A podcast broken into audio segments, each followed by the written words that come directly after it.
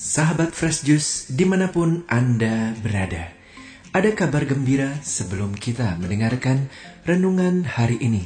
Setelah empat tahun kita tidak mengadakan ulang tahun Fresh Juice.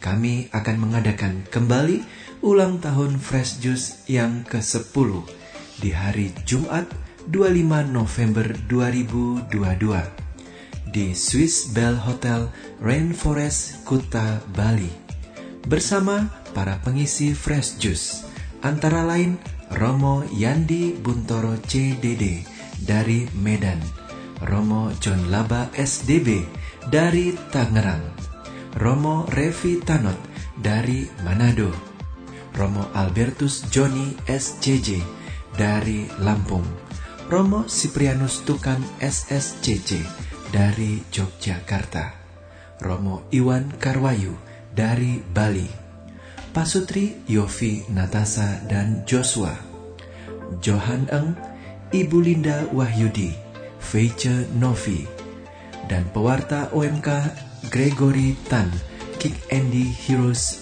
2022, Alan Kewas, dan juga admin Fresh Juice, Yudi, Rita, dan Hana dari Bandung. Adapun biaya Fresh Juice Live ini 100 ribu sudah termasuk kaos gratis untuk 300 pendaftar pertama yang bisa datang ke Bali. Terima kasih juga atas sumbangan dari Human Greatness untuk kaos ini. Untuk kaos Fresh Juice lainnya nanti juga akan dijual pada saat pelaksanaan acara Fresh Juice Live ini.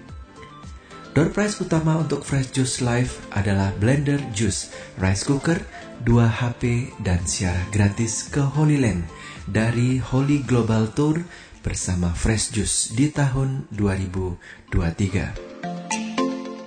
Keesokan harinya, di tanggal 26 November, bagi yang masih ada di Bali, bisa mengikuti siarah ke Gua Maria di Bali bersama Fresh Juice dari jam 8 pagi sampai pukul 5 sore dengan biaya 350.000 sudah termasuk kaos gratis, siarah fresh juice, makan siang dan makan sore, dan juga dengan door prize utama siarah gratis ke Turki bersama fresh juice di tahun 2023. Bagi sahabat fresh juice yang tergerak untuk memberikan persembahan kasih, untuk membantu pelaksanaan acara Fresh Juice Live ini, bisa memberikan persembahan kasih melalui rekening BCA nomor rekening 611-033-8315 atas nama Yofi Setiawan. Mari saat ini kita mendengarkan Fresh Juice Rabu 9 November 2022 bersama Romo Antonius Haryanto dari Cirebon. Selamat mendengarkan.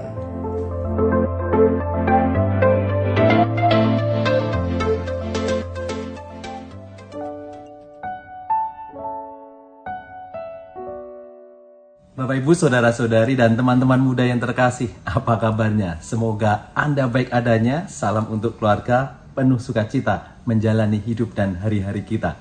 Hari ini Rabu 9 November 2022. Permenungan kita diambil dari Injil Yohanes bab 2 ayat 13 sampai 22.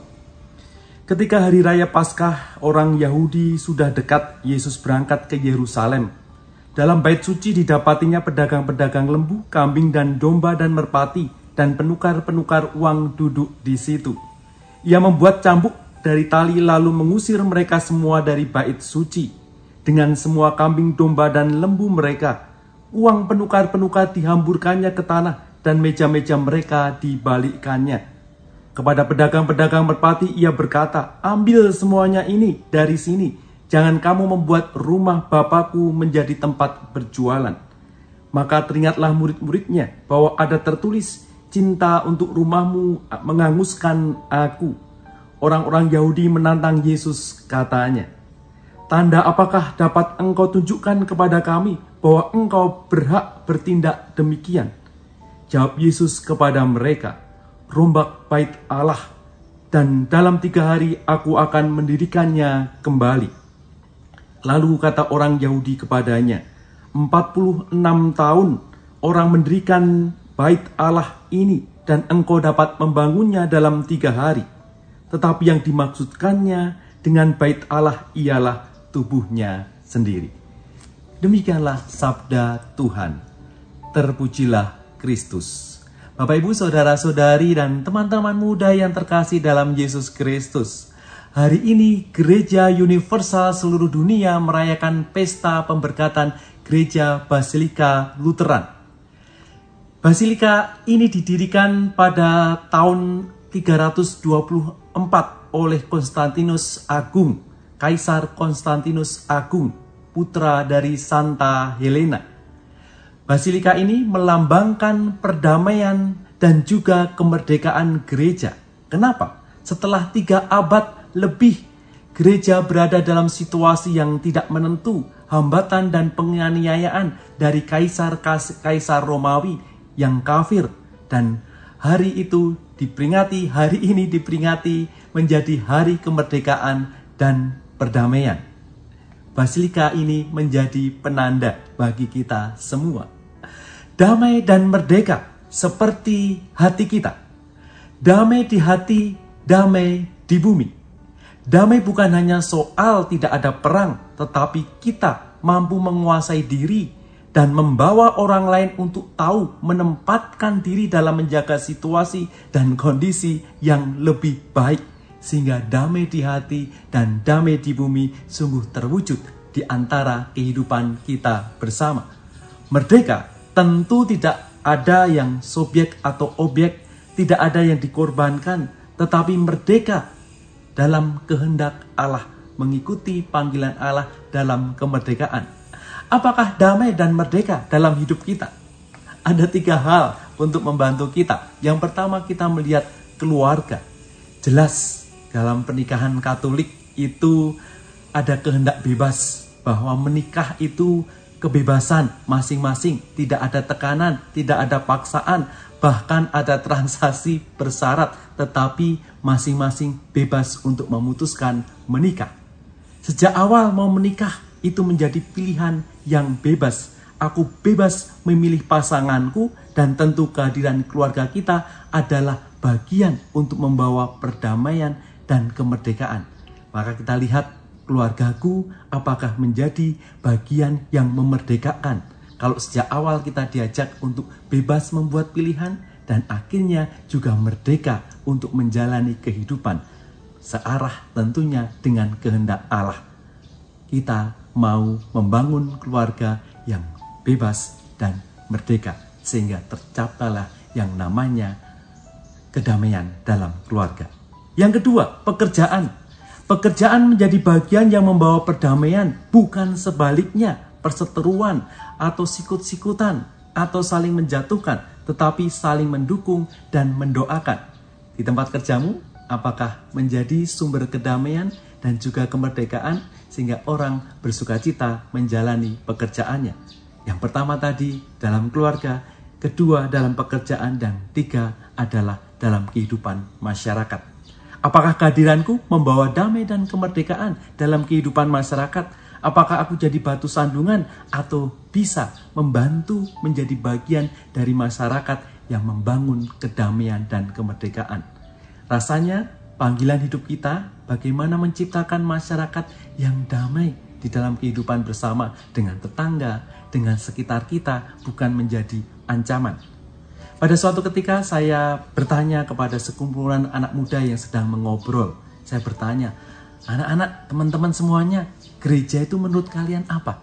Ada yang menjawab, gereja itu bangunan tempat berdoa. Ada yang mengatakan juga, gereja itu adalah kita Romo. Gereja itu kita semua yang mengikuti Kristus adalah gereja di mana kita menjadi bait Allah seperti yang digambarkan dalam bacaan Injil hari ini menjadi bait Allah yang terus dibersihkan dari kekotoran-kotoran. Bait Allah yang dibersihkan oleh Yesus karena ada perilaku-perilaku yang tidak baik. menjadikan bait Allah menjadi tempat bisnis, yang menjatuhkan yang lain, yang tidak membantu yang lain, bahkan membuat orang lain itu terpaksa membeli atau kemudian terpaksa kemudian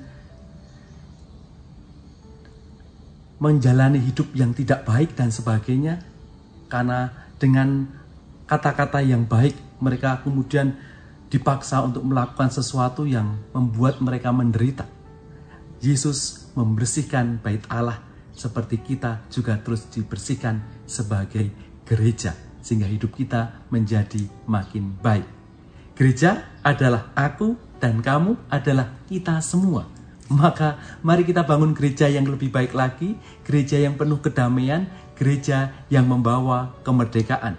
Sehingga peringatan hari ini di mana kita memperingati secara universal pesta pemberkatan gereja Basilika Lateran menjadi pesta kita semua untuk menjadi gereja. Gereja yang terus memwartakan kebaikan, kebenaran, dan juga kemerdekaan. Sehingga kita ke mana pun, di mana pun, berjumpa dengan siapa pun, menghadirkan gereja. Gereja yang bersih, gereja yang bisa menjadi teladan, gereja yang membawa kedamaian satu dengan yang lain. Tuhan memberkati.